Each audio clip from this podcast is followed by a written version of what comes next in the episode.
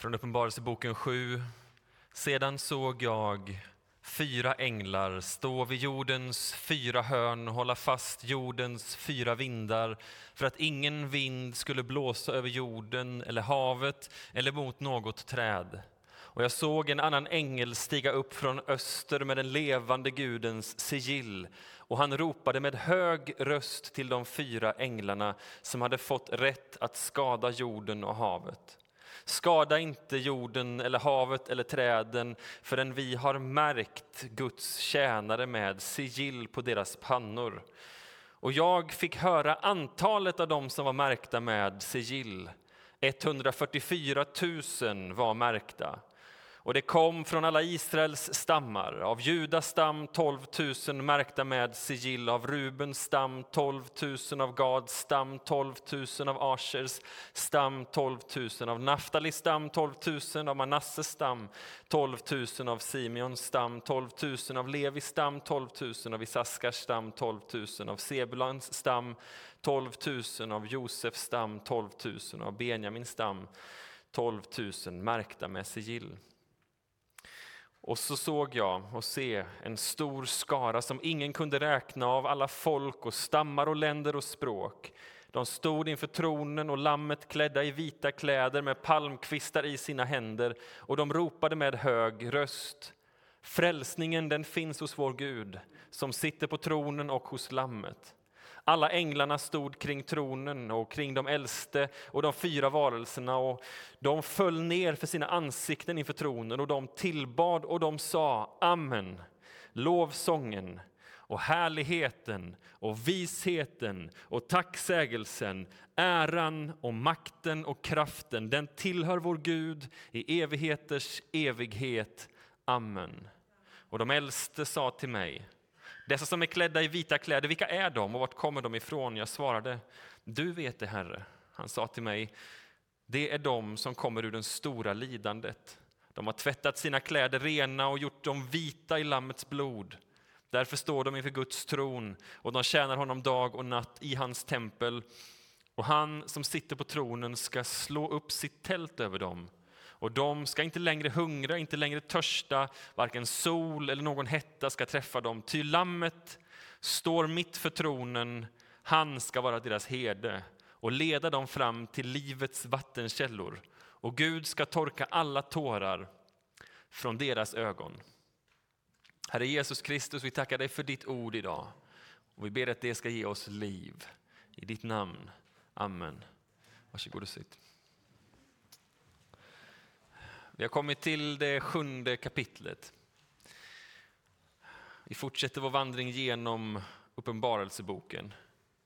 Och idag ska jag tala om vem är Jesus? Vad är församlingen för någonting? Och hur kommer hela historien att sluta? Vem är Jesus? Vad är församlingen? Och hur kommer hela historien att sluta? På ehm, fredagar, ibland på lördagar, så, så sitter vi hemma och så slår vi på projektorn och så slår vi på Robinson. Jag kommer ihåg när jag var liten och det gick för första gången. Det var sån här lägereld. Alla samlades kring Robinson.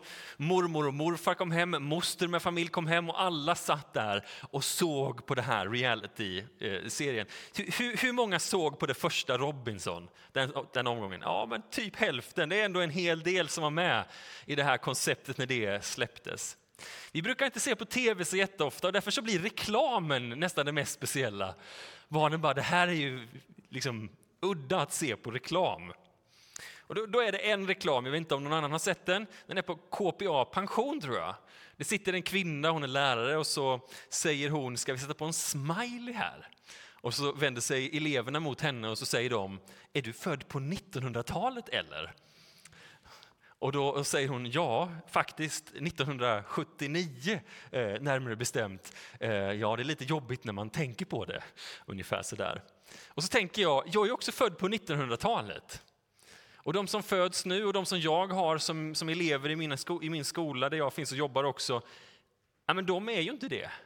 De är ju av en annan generation och så inser jag att jag kanske är sista generationen av de som har upplevt hur det var innan den digitala revolutionen slog igenom. Alltså som inte hade någon dator hemma när man växte upp förrän typ i tonåren. Som inte hade någon telefon förrän det att man fick den här Nokia 3210 och kunde spela Snake. De här grejerna som liksom gör att jag förstår hur det var innan, men jag kan också förstå hur det är nu. Och så inser jag att det har hänt otroligt mycket i min livstid. Det har hänt väldigt mycket väldigt snabbt och när man kollar tillbaks i historiska skeenden så är det tveksamt om personerna själva hade märkt att de var med i en revolution. Alltså när man var med i reformationen, eller när man var med i upplysningstiden, eller när man var med i amerikanska revolutionen, några av de här liksom viktiga delarna, skulle de själva sagt att vi var med i en revolution? Jag är tveksam.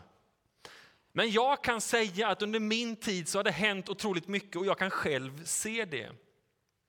Det handlar inte bara om internet och telefoner. Barnen undrar ju vad en sladdtelefon och en kassett ens är för någonting. Det handlar också om klimatet till exempel. Att vi går från en tid till en annan där klimatet blir sämre och sämre. Och det handlar om att det sker i min livstid. Klimatförändringarna gick knappt att ses när jag föddes, men nu så är de mycket tydligare. Det är också mentalitetsskillnad som har skett. Något som har blivit ett brott i mentaliteten där man i flera hundra år egentligen har tänkt att framtiden blir alltid bättre. Men där man nu börjar tänka att framtiden blir inte bättre, den kanske blir sämre istället. Där man inte har samma hopp för framtiden som man hade tidigare. Just nu så är det en orolig värld som vi lever i. Vi kallar till bön för vi tänker att det verkligen behövs. Vi behöver be för ett brustet land, ett segregerat land. Vi behöver be för våld som finns. Vi ser ekonomin såklart över världen, men det är inte det viktigaste. Det viktigaste är de konflikter som finns runt omkring där vi får be om Guds barmhärtighet i Ukraina, i Israel, i Iran, i de konflikthärdar som finns runt omkring. Gud, visa din barmhärtighet.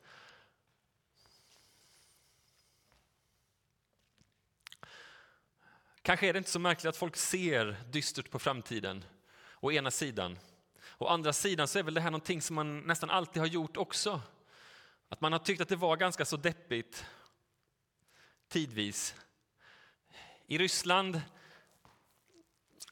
när det blev revolution där, så talade man om religion som ett opium för folket. Att människor kunde leva med all skit som var i vardagen för att man tänkte att man får pie in the sky when you die. Du får det bättre i framtiden, i evigheten och därför behöver du inte kämpa här. Det var liksom tanken man hade om tron och därför ville man vara ateistiskt. Sverige hade egentligen samma kritik mot den kristna tron. Att vi sa, nej det är inte så bra att drömma sig bort till någon form av himmel någon annanstans. Vi måste jobba med det som finns här. Men istället för att förbjuda religion så sa vi att vi jobbar på ett annat sätt. Religion, min vän, ska i Sverige vara en privatsak.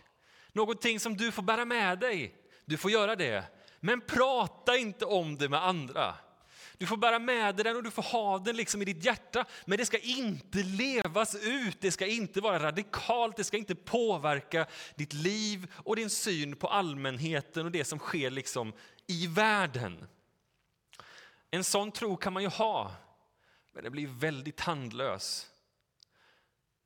Det är frågan vad som är värst, att inte ha någon tro alls eller att ha en sån tro som är så pass tandlös. Det som den här boken talar om, Uppenbarelseboken, det är en tro som är fysisk, praktisk och konkret. Som talar om framtiden och vårt evighetshopp, men också talar om det som händer här och nu.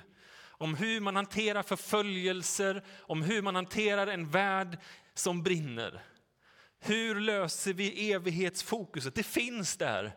Men hur hanterar vi vårt liv när det verkligen skaver? Hur ger vi hopp i en tid som är hopplös? Allt detta är budskapet i Uppenbarelseboken. Du kanske kan kalla det hopp, du kanske kan kalla det opium. Men jag skulle hellre kalla det hopp. Den kristna tron kan få bli hopp i en hopplös tid om vi tar den på rätt sätt. Men vi kan inte lägga den på hyllan. Vi kan inte bara gömma det djupt i våra hjärtan. Det behöver få vara en tro som växer och som kliver ut i vårt liv och som blir någonting som vi agerar på. Vi har tagit oss igenom kapitel 1, kapitel 2 och 3 som handlar om breven till de sju församlingarna. Vi har tagit oss igenom kapitel 4 som talar om tronrummet, Guds tronrum och hur allting, all synd och död ligger som ett, tomt, eller som ett, som ett stilla hav framför Gud. Vi har sett en bokrulle som ligger där framför Gud som ingen, vare sig i himlen eller på jorden, ingen kan öppna denna bokrulle. Men det finns en som har makten att göra detta. Det är lejonet av Juda, det är det slaktade lammet och han kliver igenom detta havet. Han tar vägen fram till tronen och där så tar han ur Guds hand denna bokrulle och öppnar sigillen. Och här kommer vi till kapitel 6 där sigillen börjar öppnas och vi får hästar som börjar rida fram. Och vi har fyra stycken hästar. Vi har en vit häst, vi har en röd häst, vi har en svart häst och vi har en blek häst. Och sen blir det tyst. Sen kommer det ångest och lidande över jorden.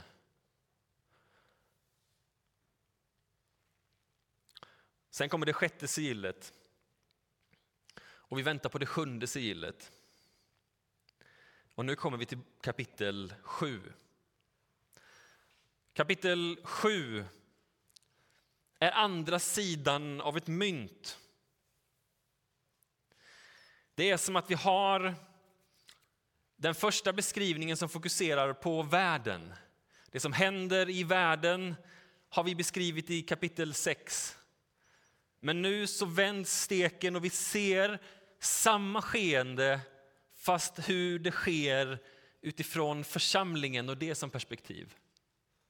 Här beskriver Johannes hur tar sig församlingen igenom den här tiden av problem. Vad händer med Guds folk när allting brinner runt omkring?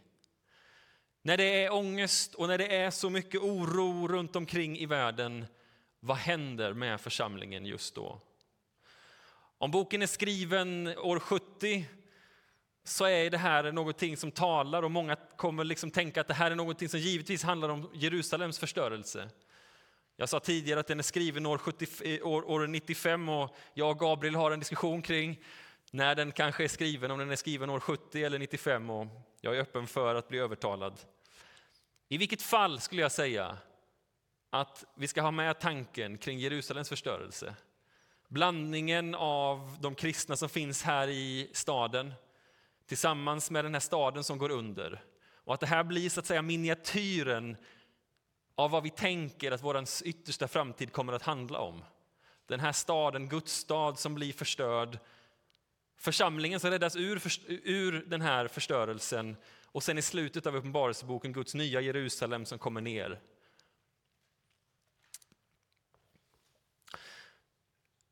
Det som händer här är att det räknas upp ett antal. 144 000. Oh, vad man skulle kunna tala länge om detta nummer. Det här beskrivs vara Israel.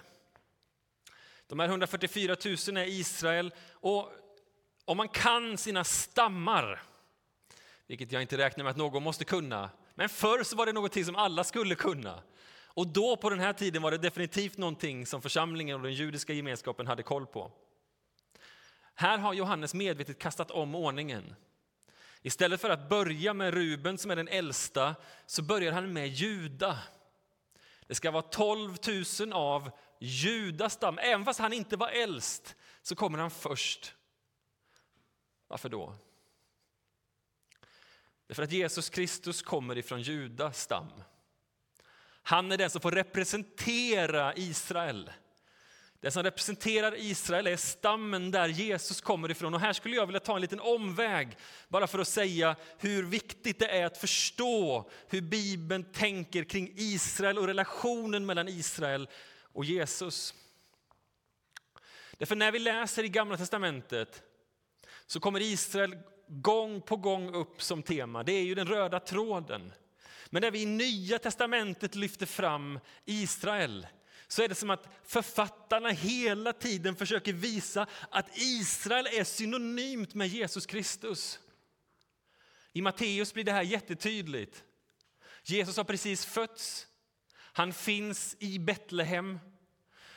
Herodes vill döda. De får ett tilltal och de flyr till Egypten. Det här är det som sker ganska snart i vårt kyrkoår. Det som händer då det är att man lägger till ett bibelord.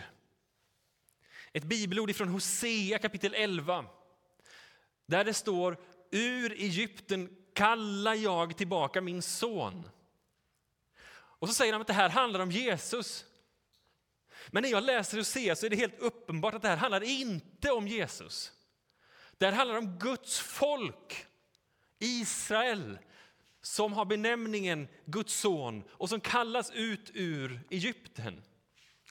Det är poängen. Att de här två genom Matteus sätt att se det är synonyma. Jesus är Israel, Israel är Jesus. Han är den som uppfyller allting. När vi därför ser Jesu liv så måste vi se det genom den här linsen. Han döps för att gå genom Röda havet. Ut ur Röda havet går han in i öknen. Israel är 40 år, han är där 40 dagar. Han prövas i allting som israelerna prövades, men han lyckas. Han är alltså våran Mose. Men han får namnet Jesus som på, på, på eh, hebreiska är Josua. Varför? Därför att han är den som för oss in i löfteslandet. Han är, vem är han? Han är född i, i, i, i Betlehem och han är Davids son.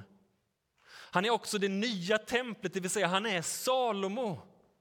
Och vi kan ta den ena efter den andra av de bibliska personerna och vi ser att allting liksom blir till Jesus Kristus. Han är linsen genom, genom vilken vi ser hela det gamla testamentet. Han är Israel.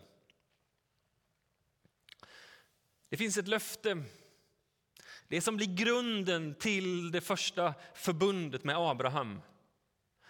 Herren sa till Abraham, lämna ditt land, din släkt och ditt hem. Gå till det land som jag ska visa dig, jag ska göra dig till ett stort folk. Jag ska välsigna dig och ditt namn så att det ska brukas när man välsignar. Jag ska välsigna dem som välsignar dig och den som smädar dig ska jag förbanna. Och alla folken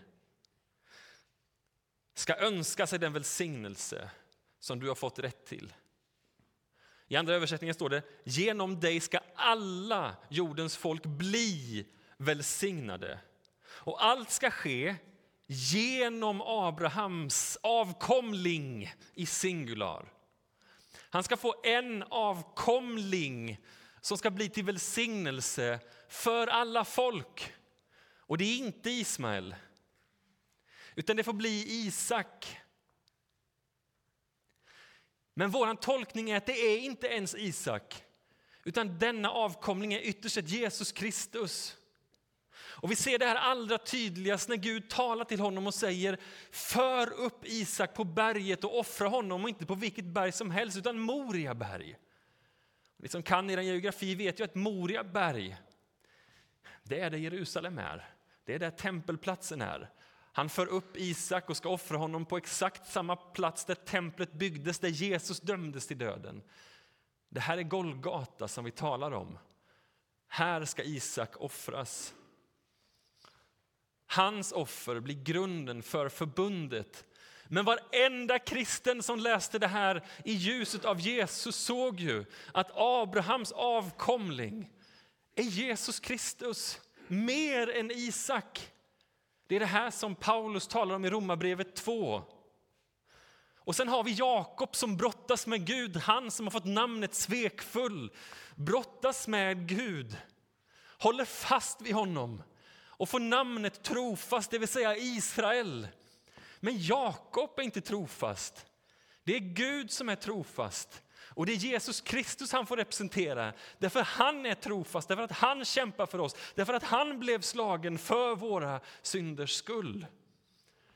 Och Vi skulle kunna tala om det här om och om igen och längre och längre för att visa hur mycket Jesus Kristus kliver in i Gamla testamentets profetior. Så när han talar om Israel så är det inte det etniska Israel vi talar om utan det är Jesus Kristus som vi här talar om.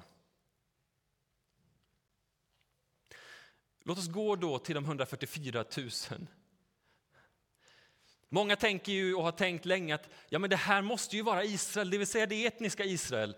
Och en gång så kommer en spillra utav Israel att bli räddad och så har man delat den här första skaran, de 144 000, från den stora skaran och så säger man den stora skaran är församlingen och den andra delen är Israel. Och nu har församlingen ryckts upp till himlen hur man har kunnat se det genom den här texten, det undrar jag. Och sen så finns nu en skara av judar som ska bli frälsta. Jag ber absolut att judarna ska få bli frälsta och jag hoppas och tror verkligen det. Men jag vill påstå att den här texten inte talar om det. Utan den här texten visar än en gång två sidor av samma mynt. Den här texten är precis som det är i kapitel 5. Sedan hörde jag ett nummer, 144 000. Och sen står det senare, sedan såg jag en stor skara. Om vi går till kapitel 5 och så ser vi där, jag hörde om lejonet av Juda Sen vände jag mig om och så såg jag ett slaktat lamm. Hörseln hör lejonet av Juda, synen ser det slaktade lammet. Det är inte två olika delar. Det är två olika visioner av samma person, det är Jesus Kristus. Här görs samma sak med församlingen, kan du se det? Jag hör 144 000 av alla de israeliska stammarna. Jag vänder mig om och ser, men jag ser ett enormt folk av alla språk och stammar och kulturer som finns och de är oräkneliga. Och det här är samma sak. Det är samma skara, två sidor utav samma mynt. Hur kunde detta ske? Det kan ske för att han är Israel. Han är Abrahams son. Han är den som äger löftena. Han är den som äger kallelsen. Han är den som äger välsignelsen.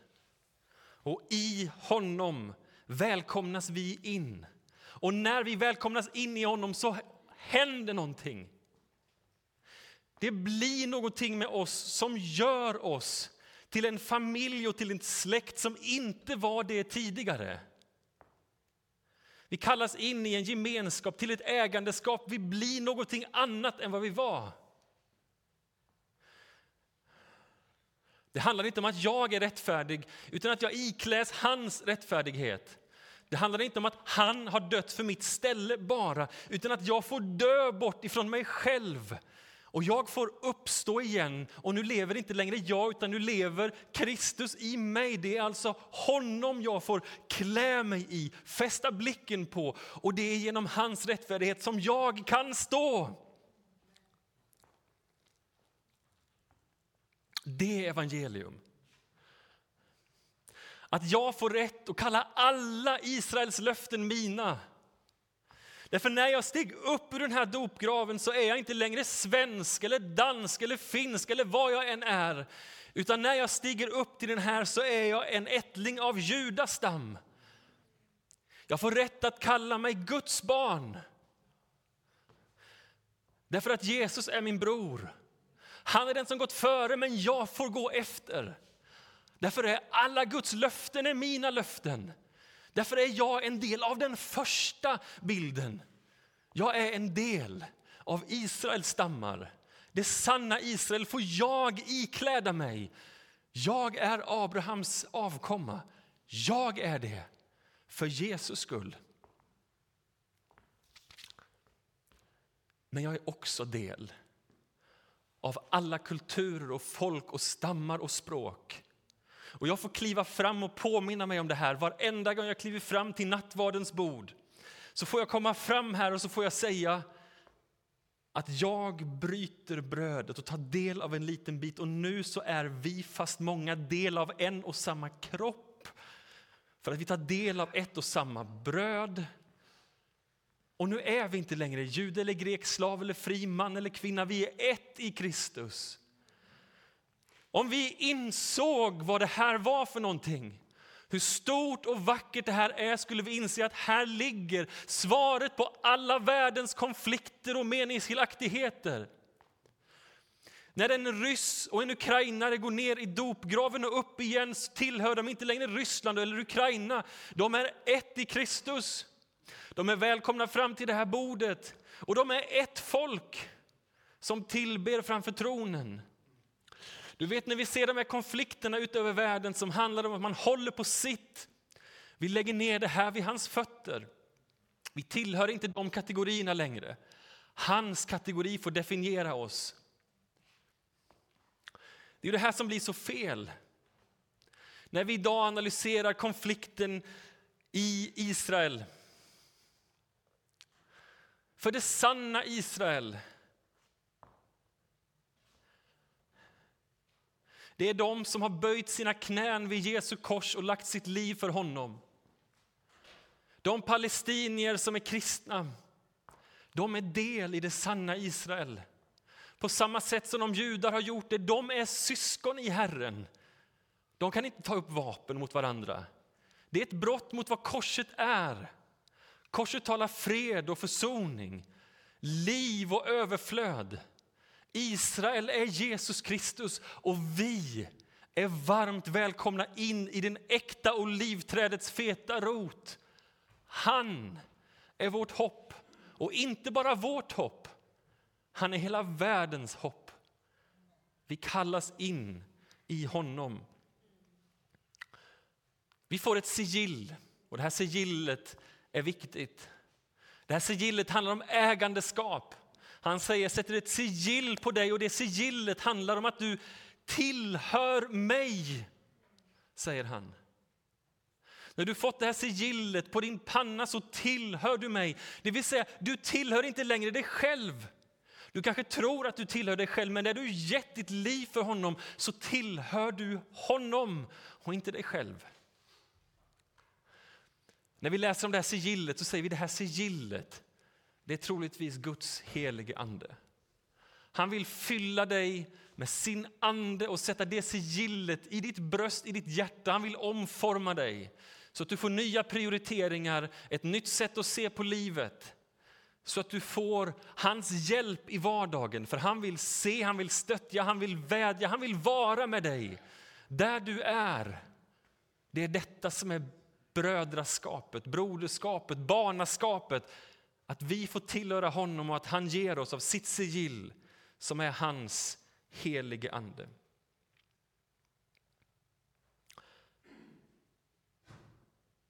Jag ska gå mot avslutning och ta upp den sista punkten. De här människorna de kommer från den stora vedermödan. Det finns mängder av tolkningar kring vad det innebär. Låt oss säga det är det stora lidandet som möter oss kristna och som möter världen. Du och jag, om vi tar vårt kors och följer Jesus Kristus så kommer det kosta. Vare sig det var då, vid Jerusalems fall, vare sig det var under historien, kyrkohistorien eller det är just nu. Om vi tar vårt kors och följer honom så kommer det att kosta. Vi behöver hans sigill på våra, pann, på våra pannor. Vi behöver hans ande i våra liv. Vi behöver ett fokus där tron får bli på riktigt. Vi behöver det. För det kommer att kosta. Det har kostat och det kommer alltid att kosta ditt liv när du följer honom. Det här är någonting som inte bara handlar om dig, precis som vi sa. I detta ligger svaret, inte bara för oss Inte bara för mig som person, utan för alla de konflikter som vi möter och ber för. Var ett vittnesbörd i det.